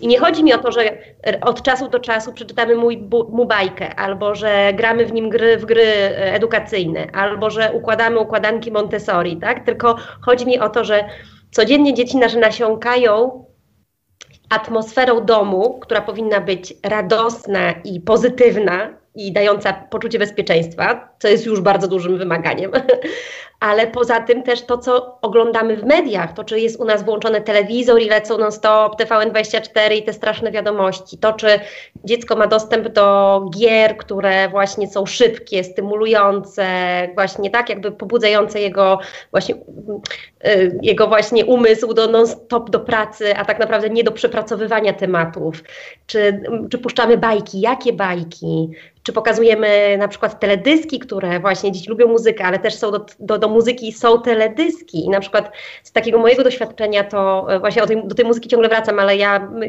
my, lubimy bardzo też muzykę i ja też lubię muzykę pop i też myślę, że jest to jeden z takich mostów, który łączy mnie z moimi dorastającymi dziećmi, ale My nie oglądamy teledysków, my słuchamy muzykę na aplikacjach, w których nie ma teledysków i specjalnie ja wybrałam to w ten sposób i w ten sposób robiłam to od początku, żeby moje dzieci nie stykały się z właśnie z takimi obrazami, które mnie, mnie jakby dotykają, tak? To znaczy mnie jako kobietę, tak? Jakby godzą w moją, sobie myślę, o nie, ja nie chciałabym, żeby ktoś tak na mnie patrzył, ktoś w ten sposób o, ze mną tańczył, tak? Jakby zachowywał się w ten sposób, to nie są moje, y, moje to nie są rzeczy, które są dla mnie bliskie i w ten sposób też po prostu na, przez dłuższy czas moje dzieci jakby nie miały tej nawet ciekawości, tej potrzeby, tak, e, stykania się z tym, a w tym, a kiedy a w tym momencie, kiedy już się z tym stykają, no bo są w takim wieku, że już jakby tak, jakby to się zdarza, nie, że no, jakby no, są nastoletnie, to, e, to też możemy o tym spokojnie rozmawiać. Dlaczego warto takie rzeczy oglądać, a dlaczego nie warto takich rzeczy oglądać. Nie? Natomiast karmienie zdrowym, odżywianie do, dobrze ciała jest potrzebne, ale to jest tylko jedna noga sukcesu, bo drugą nogą sukcesu jest to właśnie, co wkładamy naszym dzieciom do głowy, tak? jaki właśnie, jaki dajemy im, e, nie wiem jak, jak to nazwać, taką, takie pojęcie o jeśli są to dziewczyny, to o kobiecości, jeśli są to chłopcy, o męskości, o właśnie o tym, w jaki sposób budujemy relacje, o ten sposób, jakim właśnie co to znaczy być dojrzałym człowiekiem, nie? Więc jakby to wszystko zależy tak naprawdę od tego, co my wpuszczamy do naszego domu i, do, i przez nasz dom do głów naszych dzieci, tak? Więc e, to jest taka też cenna rzecz, nie? Że no, że się dzieje po prostu tak, nie? że czasami przez taką niedopatrzenie tego, nie? Do, docierają od najmłodszych lat naszych dzieci treści, którymi nasiąkają i które powodują, że one na tym też gdzieś tam budują swoje mm, postrzeganie świata, tak? I potem szukają podświadomie tych treści albo właśnie mm, zachowują się w jakiś taki sposób, który nam się wydaje, że mm, tak, nie wiadomo skąd to mają, mają właśnie gdzieś przemycone w tych rzeczach, które widziały, które słyszały w domu i tak, i to, to, się gdzieś tam stało, nie? Więc ta ostrożność jest też taka istotna w tym temacie. To bardzo znamienne, co pani powiedziała o teledyskach, mm. pani Agnieszko. Ja tylko przypomnę razem z nami Agnieszka Stefaniuk, mama siódemki dzieci, w tym już Ani, która kończy 18 lat, więc z tego y, no, chociażby wieku nastoletniego powinna by była już wejść w tę odpowiedzialną dorosłość. Agnieszka prowadzi też blog Family Fun by Mom.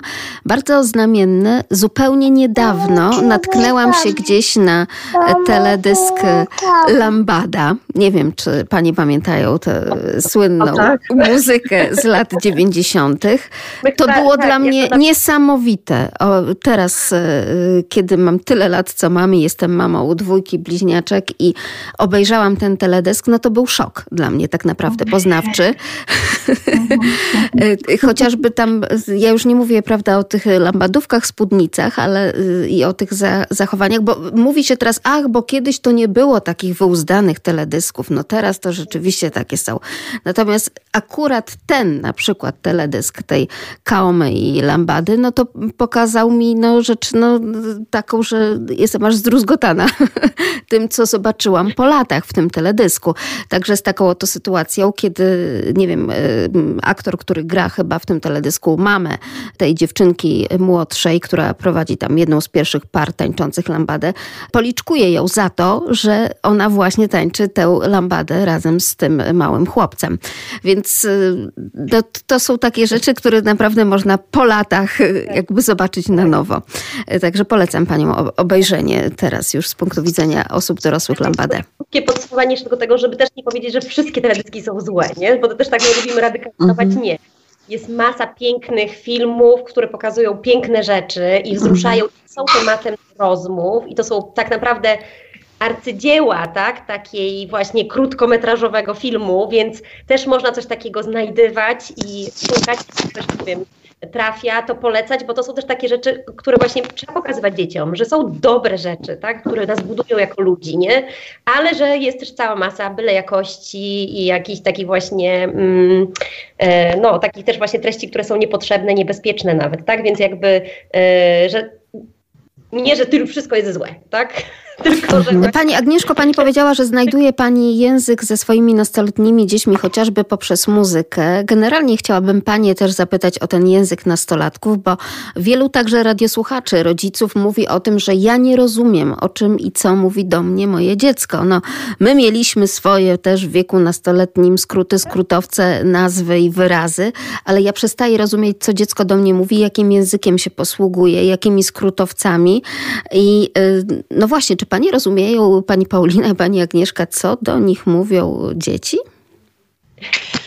Ja mam takie doświadczenie, że kiedy nie rozumiem, y, co mówią moje dzieci, chociaż moja córka jeszcze dużo nie używa jakichś takich zapożyczonych terminów, to po prostu ja jej mówię otwarcie, że ja tego nie rozumiem i wolałabym, żeby powiedziała do mnie innymi słowami, tak żebym zrozumiała, bo chcę zrozumieć to, co do mnie mówi. No nie wiem, czy ci się to zdarzyło, ale to jest bardzo częste mhm. też, że dzieci nie wiedzą, co to znaczy. To znaczy, że też tak. używają mhm. tego słowa z takim domysłem, y, jakby domysłem który jest w, e, jakiejś, w tej sytuacji, że to się używa, że wszyscy tak mówią, ale co to znaczy, to niekoniecznie wiedzą, więc to też jest zabawne i wtedy też jest to temat do rozmowy, nie? że właśnie tak, oj, lepiej jest używać słów, których rozumiemy nie? I, i, i zostawić to tylko tak, nie? z taką myślą, że jakby na przyszłość, nie? Więc mhm. to Dokładnie, albo też w ogóle rozmowa na ten temat, e, w jakim celu używasz takiego sformułowania w ogóle w swoim języku, nie? że jeżeli znasz inne, e, no to dlaczego tak? I ja na przykład miałam taką rozmowę z córką, kiedyś zdarzyło się coś takiego, chociaż to się zdarza bardzo rzadko, że y, sama doszła do wniosku, że chce tak mówić, bo mówią tak inni i wtedy jest się atrakcyjniejszym wśród rówieśników. Więc jakby sama doszła do tego wniosku i nie do końca była zadowolona z siebie, że w ogóle tak to wygląda. E, ale właśnie tutaj też to, co ja zawsze w ogóle w audycjach, w spotkaniach mówię, to to, że rozmowa, że jako rodzic ja też bardzo często mam mało czasu, mało czasu przeznaczam na taką głęboką rozmowę z dziećmi i sobie zawsze zarzucam, że powinno być go więcej, bo tej rozmowy brakuje. A proszę, właśnie podchodzi ta najmłodsza latorośl i też tak, chce podjąć dokładnie. rozmowę. Tak. E, I, mm, i, I tej rozmowy brakuje, i dlatego dzieci też czują się niezrozumiane, czy chcą gdzieś tam uciekać w jakiś inny świat, właśnie chociażby w inny, w inny język, żeby się z, z rówieśnikami, prawda? Dlatego to jest no, super e, taki punkt zaczepienia do tego, żeby coś zrobić e, więcej w tej naszej relacji ale też możemy się uczyć od nich niektórych rzeczy. Dokładnie, dokładnie, to takie, chciałam powiedzieć, że... E, nowe słowo, nie? że coś jest mega na przykład, nie? jeśli to jest pozytywne, albo właśnie tam siema, nie? jakby, że takie rzeczy, to siemka, siemka, nie? że to są takie fajne, wydaje mi się, że trochę takie rzeczy, które dzieci, znaczy nastoletnie dzieci oczywiście, kiedy ja używam tych ich słów, zapożyczamy od nich, to uważają, że to jest żenujące, co ja wyprawiam, ale to jest też taka rzecz, że oni troszeczkę mogą się ze mnie podejść, ze mnie pośmiać, a ja troszkę mogę właśnie wkupić się w ich, e, w ich taki właśnie światek. To jest fajne. Wydaje mi się, że to są takie drobne rzeczy, na które e, trzeba tak jakby m, mm, wiedzieć, że one się pojawiają, że są naturalne, nie? że ta, e, ta przynależność do grupy rówieśniczej jest bardzo silnym, e, silnym takim bodźcem, który działa na nasze dzieci i dlatego też o tej grupie rówieśniczej warto powiedzieć, bo mm, bo my tak naprawdę też jako rodzice mamy bardzo duży wpływ na to, z kim się nasze dzieci zadają, tak? Bo my wybieramy dla nich najpierw przedszkola i też o przedszkola się bardzo troszczymy, ale już potem o szkołę może trochę mniej, bo już właśnie nasze dzieci same mogą, mogą się do szkoły przedostawać, więc już tą szkołę wybieramy, żeby było blisko i wygodnie. Potem e, szkoła średnią, tak? I e, miejsca, do których nasze dzieci chodzą na zajęcia dodatkowe. No teraz jesteśmy trochę w innym czasie, nie? Ale przy, przypomnijmy sobie, że tak było, że nasze dzieci chodziły do szkół i my trochę możemy tą grupę rówieśniczą jakby też tak jakby moderować od początku, to znaczy szukać takiego środowiska, które będzie w miarę mm, jakby spójne z naszymi wartościami. Także to jest pierwsza rzecz, którą mogą zrobić rodzice. Druga rzecz, którą ja robię i zawsze też radzę rodzicom, to jest to, żeby znać przyjaciół swoich dzieci prowadzić dom otwarty, nie? zapraszać dzieci do siebie, e, mieć, żeby koledzy naszych dzieci przychodzili do domu, żeby móc z nimi spędzić tak czas, nie? zobaczyć jak one się zachowują, jak się bawią, rozmawiać z nimi, być właśnie taką, no jakby taką fajną ciocią, nie? W Polsce mówimy, że zawsze jesteś ciocią, nie? Ktoś do ciebie przychodzi tam. Ten, że taką fajną ciocią, która zawsze w domu ma jakąś przekąskę dla dzieci albo właśnie e, mm, chętnie przyjmuje, więc ten dom otwarty jest istotny e, i mm, nigdy nie krytykować e, przyjaciół naszych dzieci, nawet jeżeli nam się do końca nie podobają. Ewentualnie możemy powiedzieć o tym, e, co nam się nie podoba, w takim sensie na przykład, nie wiem, że przychodzi koleżanka, która jest właśnie, nie wiem, super jakoś tak dziwnie ubrana, tak, albo właśnie, nie wiem, bardzo, nie wiem, ekstrawagancko w takim sensie, nie wiem, właśnie nawet, nie wiem, że to graniczy z wulgarnym strojem, to możemy zwrócić uwagę w taki sposób, e, że mm, czy ten strój się podobał naszej córce, tak, czy to jej, czy to jej się podoba, dlaczego, spytać, dlaczego ona tak się ubiera, nie? Bo jej koleżanki się tak nie ubierają, wszyscy się ubierają jakby skromnie, nie? Dlaczego ona akurat tak eksponuje te swoje walory, nie? O co chodzi, nie? Skąd to się może brać? Przedyskutować ten temat, pokazać w sposób krytyczny podejść do tematu, a nie powiedzieć, że to jest brzydki ubiór, nie, nieodpowiedni ubiór, nie chcę, żebyś się tak ubierała, tak? Więc też tą rozmowę inaczej prowadzić. E, natomiast sama krytyka przyjaciół to jest zawsze taka mm, bardzo bolesna, bo mm, dzieci się tak bardzo utożsamiają ze swoimi przyjaciółmi, że kiedy mówimy coś mm, nieodpowiedniego na temat przyjaciół, to tak jakbyśmy mówili coś nieodpowiedniego na nich. Aniu, nie wiem, czy się z tym zgodzisz, ale ja mam wrażenie, że moje dzieci tak to odczuwają, nie? że jak, mówi, jak mówisz, no ten kolega to tam, nie wiem, właśnie coś tam, ten, no to wtedy widzę po moich dzieciach, że one tak jakbym ja to powiedziała, i ranie ich, tak? Bo to jest ich, ich, ich dobry kolega teraz na jakimś tam etapie życia. E, I, I to jest jakby ta, właśnie, więc znać środowisko, wybierać środowisko, dwa, znać tych, znać tych znajomych, te znajomych naszych dzieci, a trzecia rzecz to znać rodziców znajomych naszych dzieci. I to jest taka rzecz, która wymaga czasami naprawdę heroizmu, ale jest bardzo istotna. I są takie momenty przełomowe w życiu naszych dzieci, kiedy są takie okazje, że możemy tych rodziców poznać, tak? No bo nie wiem, na przykład szykujemy. Mm, e, nie wiem, ósma klasa i zakończenie, szykujemy zakończenie roku szkolnego i wtedy coś się dzieje, jakaś akcja w szkole i wtedy możemy poznać rodziców, tak, bliżej. E, ale też możemy nie czekać na tę okazję, tylko po prostu czasami się zaprosić, nie? I może rzeczywiście teraz jesteśmy w tych czasach taki właśnie tych reżimu epidemiologicznego i to nie jest e, najlepszy moment na takie rzeczy, ale ten wysiłek taki, mieć to gdzieś w głowie, nie? Że dobrze jest znać dzieci, e, rodziców naszych dzieci, bo powinniśmy być sprzymierzeńcami, tak? Powinniśmy się znać i jakby pomagać sobie wzajemnie. Jest takim bardzo istotnym e, tematem i powinniśmy, i to jest taka rzecz też, mm, e, która ułatwia nam potem nie wiem, nawet w takich momentach właśnie jakiegoś ryzyka życia naszego dziecka, tak, albo bezpieczeństwa naszego dziecka, to wiemy do kogo się zwrócić, tak, że jakby te ognisko znajomych ludzi wokół naszego dziecka jest dużo szersze i bardziej takie przejrzyste niż wtedy, kiedy Wiemy tylko, że nasze dziecko chodzi do tej szkoły, do tej klasy, tak? A nie w życiu nie widzieliśmy nikogo tam, nie wiemy, jak to wygląda, tak? Więc, więc na to też bym chciała bardzo, tak, tak jakby taką radę dać, że na to warto się uczulić, zwłaszcza jeśli jesteśmy w dużych miastach, zwłaszcza jest, jeśli jesteśmy gdzieś właśnie mm, nie wiem, dowozimy nasze dzieci gdzieś tam daleko, tak? I, i, I, to nie są nasi sąsiedzi, tylko to są jakieś osoby, które zupełnie są nam obce, to mm, to, to gdzieś tam trzeba mieć na uwadze, nie? I i to się dzieje, zobaczcie, też naturalnie, kiedy my małe dzieci mamy, bo w przedszkolu, przebierając nasze dziecko, zagadujemy inne mamy i znamy te inne mamy, tak? I widzimy, tak? Jakby wymieniamy różne poglądy, tak? Na, na temat, nie wiem, wychowania, czy podejścia, różnych rzeczy, tak?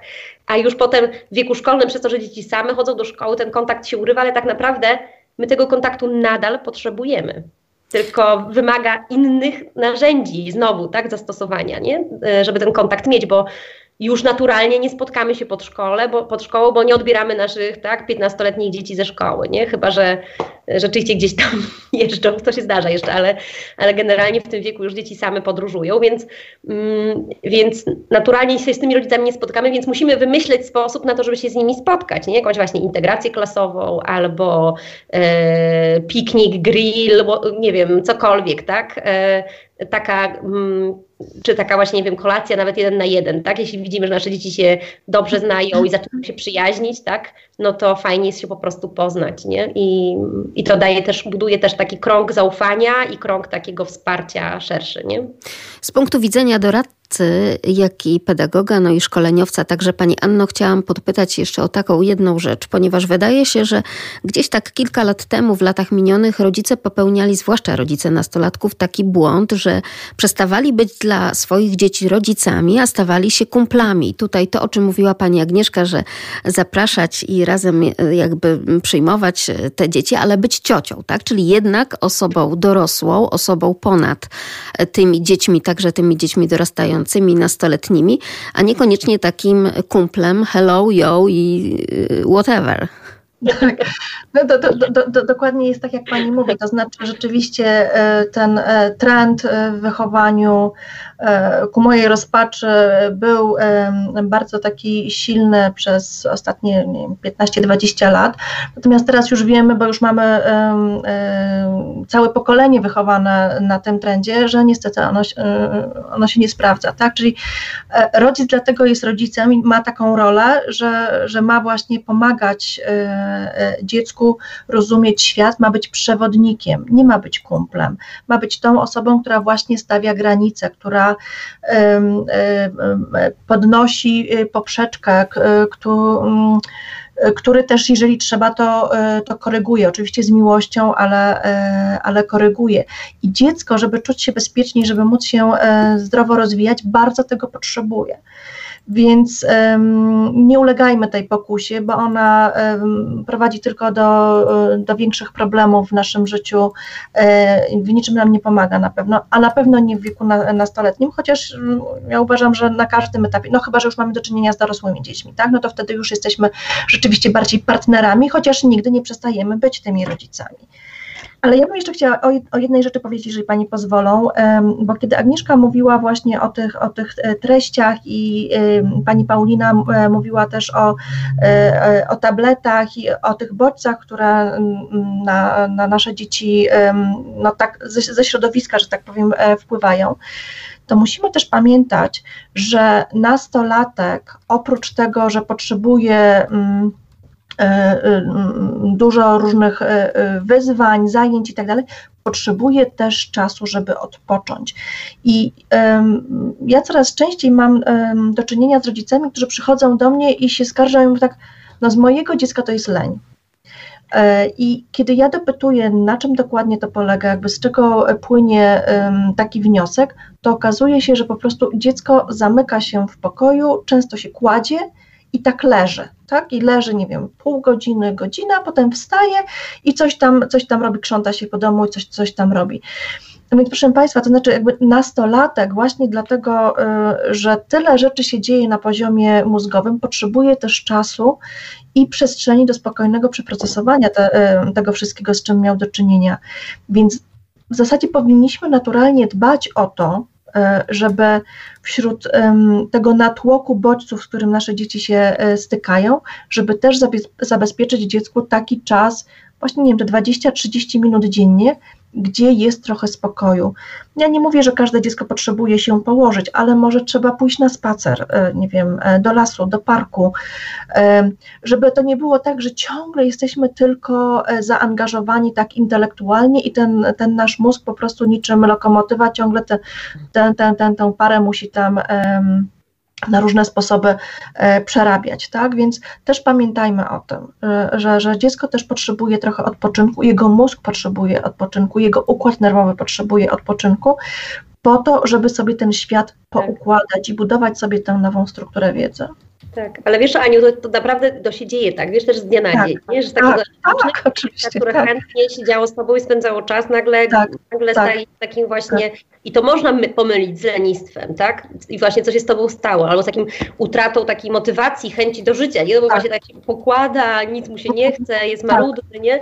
I to jest rzeczywiście takie mylne, więc też dobrze, że o tym mówisz i też jakby na naszym szkoleniu też jakby tą charakterystykę tego wieku bardzo taką dokładną podajemy, żeby nie wpaść w tą pułapkę myślenia takiego, nie? Takiego tak. krytycznego myślenia o naszym dziecku. Nie co się stało z moim grzecznym chłopcem z szóstej klasy, który był wzorowy, nagle beznadziejnie się uczy, ma, ma konflikty w grupie rówieśniczej, zmienił kolegów, tak? Żółt na przykład to się często też zmienia, nie? To w tym momencie, tak. że jest taka nagle, e, żegna się ze swoimi kolegami, ma jakichś nowych, nie? I, e, i co to się wyprawia, więc, mm, więc to wszystko są procesy, które są takie naturalne też. Uzasadnione, nie? tak, uzasadnione. uzasadnione ja, ja, ja, jeszcze bym powiedziała, że y, szczególnie do, do rodziców, którzy mają e, e, te dzieci w wieku tak 10-12 lat, żeby zwracać uwagę na to, czy w ogóle nasze dzieci nie są przebodźcowane, dlatego że mm, możemy zauważyć, że nasze dziecko nagle zrobiło się bardziej, nie wiem, agresywne, tak, niespokojne, bardziej napięte i my to um, przypisujemy na przykład, a no bo właśnie wchodzi właśnie w ten okres nastoletni, ale ja bym wtedy w pierwszej kolejności zrewidowała właśnie ile czasu dziecko e, spędza e, przed ekranem, tak, przed tymi niebieskimi co światłami. Też, tak? Też co, co tam robi, tak, nie? Tak, dokładnie, co, co, co, co też tam robi, jaka jest treść e, właśnie jego rozmów z rówieśnikami i z innymi osobami, bo mm, e, jeżeli układ nerwowy e, dziecka właśnie dorastającego, dojrzewającego jest, powiedziałabym tak, takim nieładnym językiem, przegrzany, tak, czyli przebodźcowany, to będziemy się zachowywać właśnie w sposób obronny, tak? I dziecko po prostu, żeby się bronić przed kolejnymi bodźcami, będzie przyjmowało taką nieprzyjemną e, postać obronną, a my będziemy to mylnie przypisywali czemuś innemu.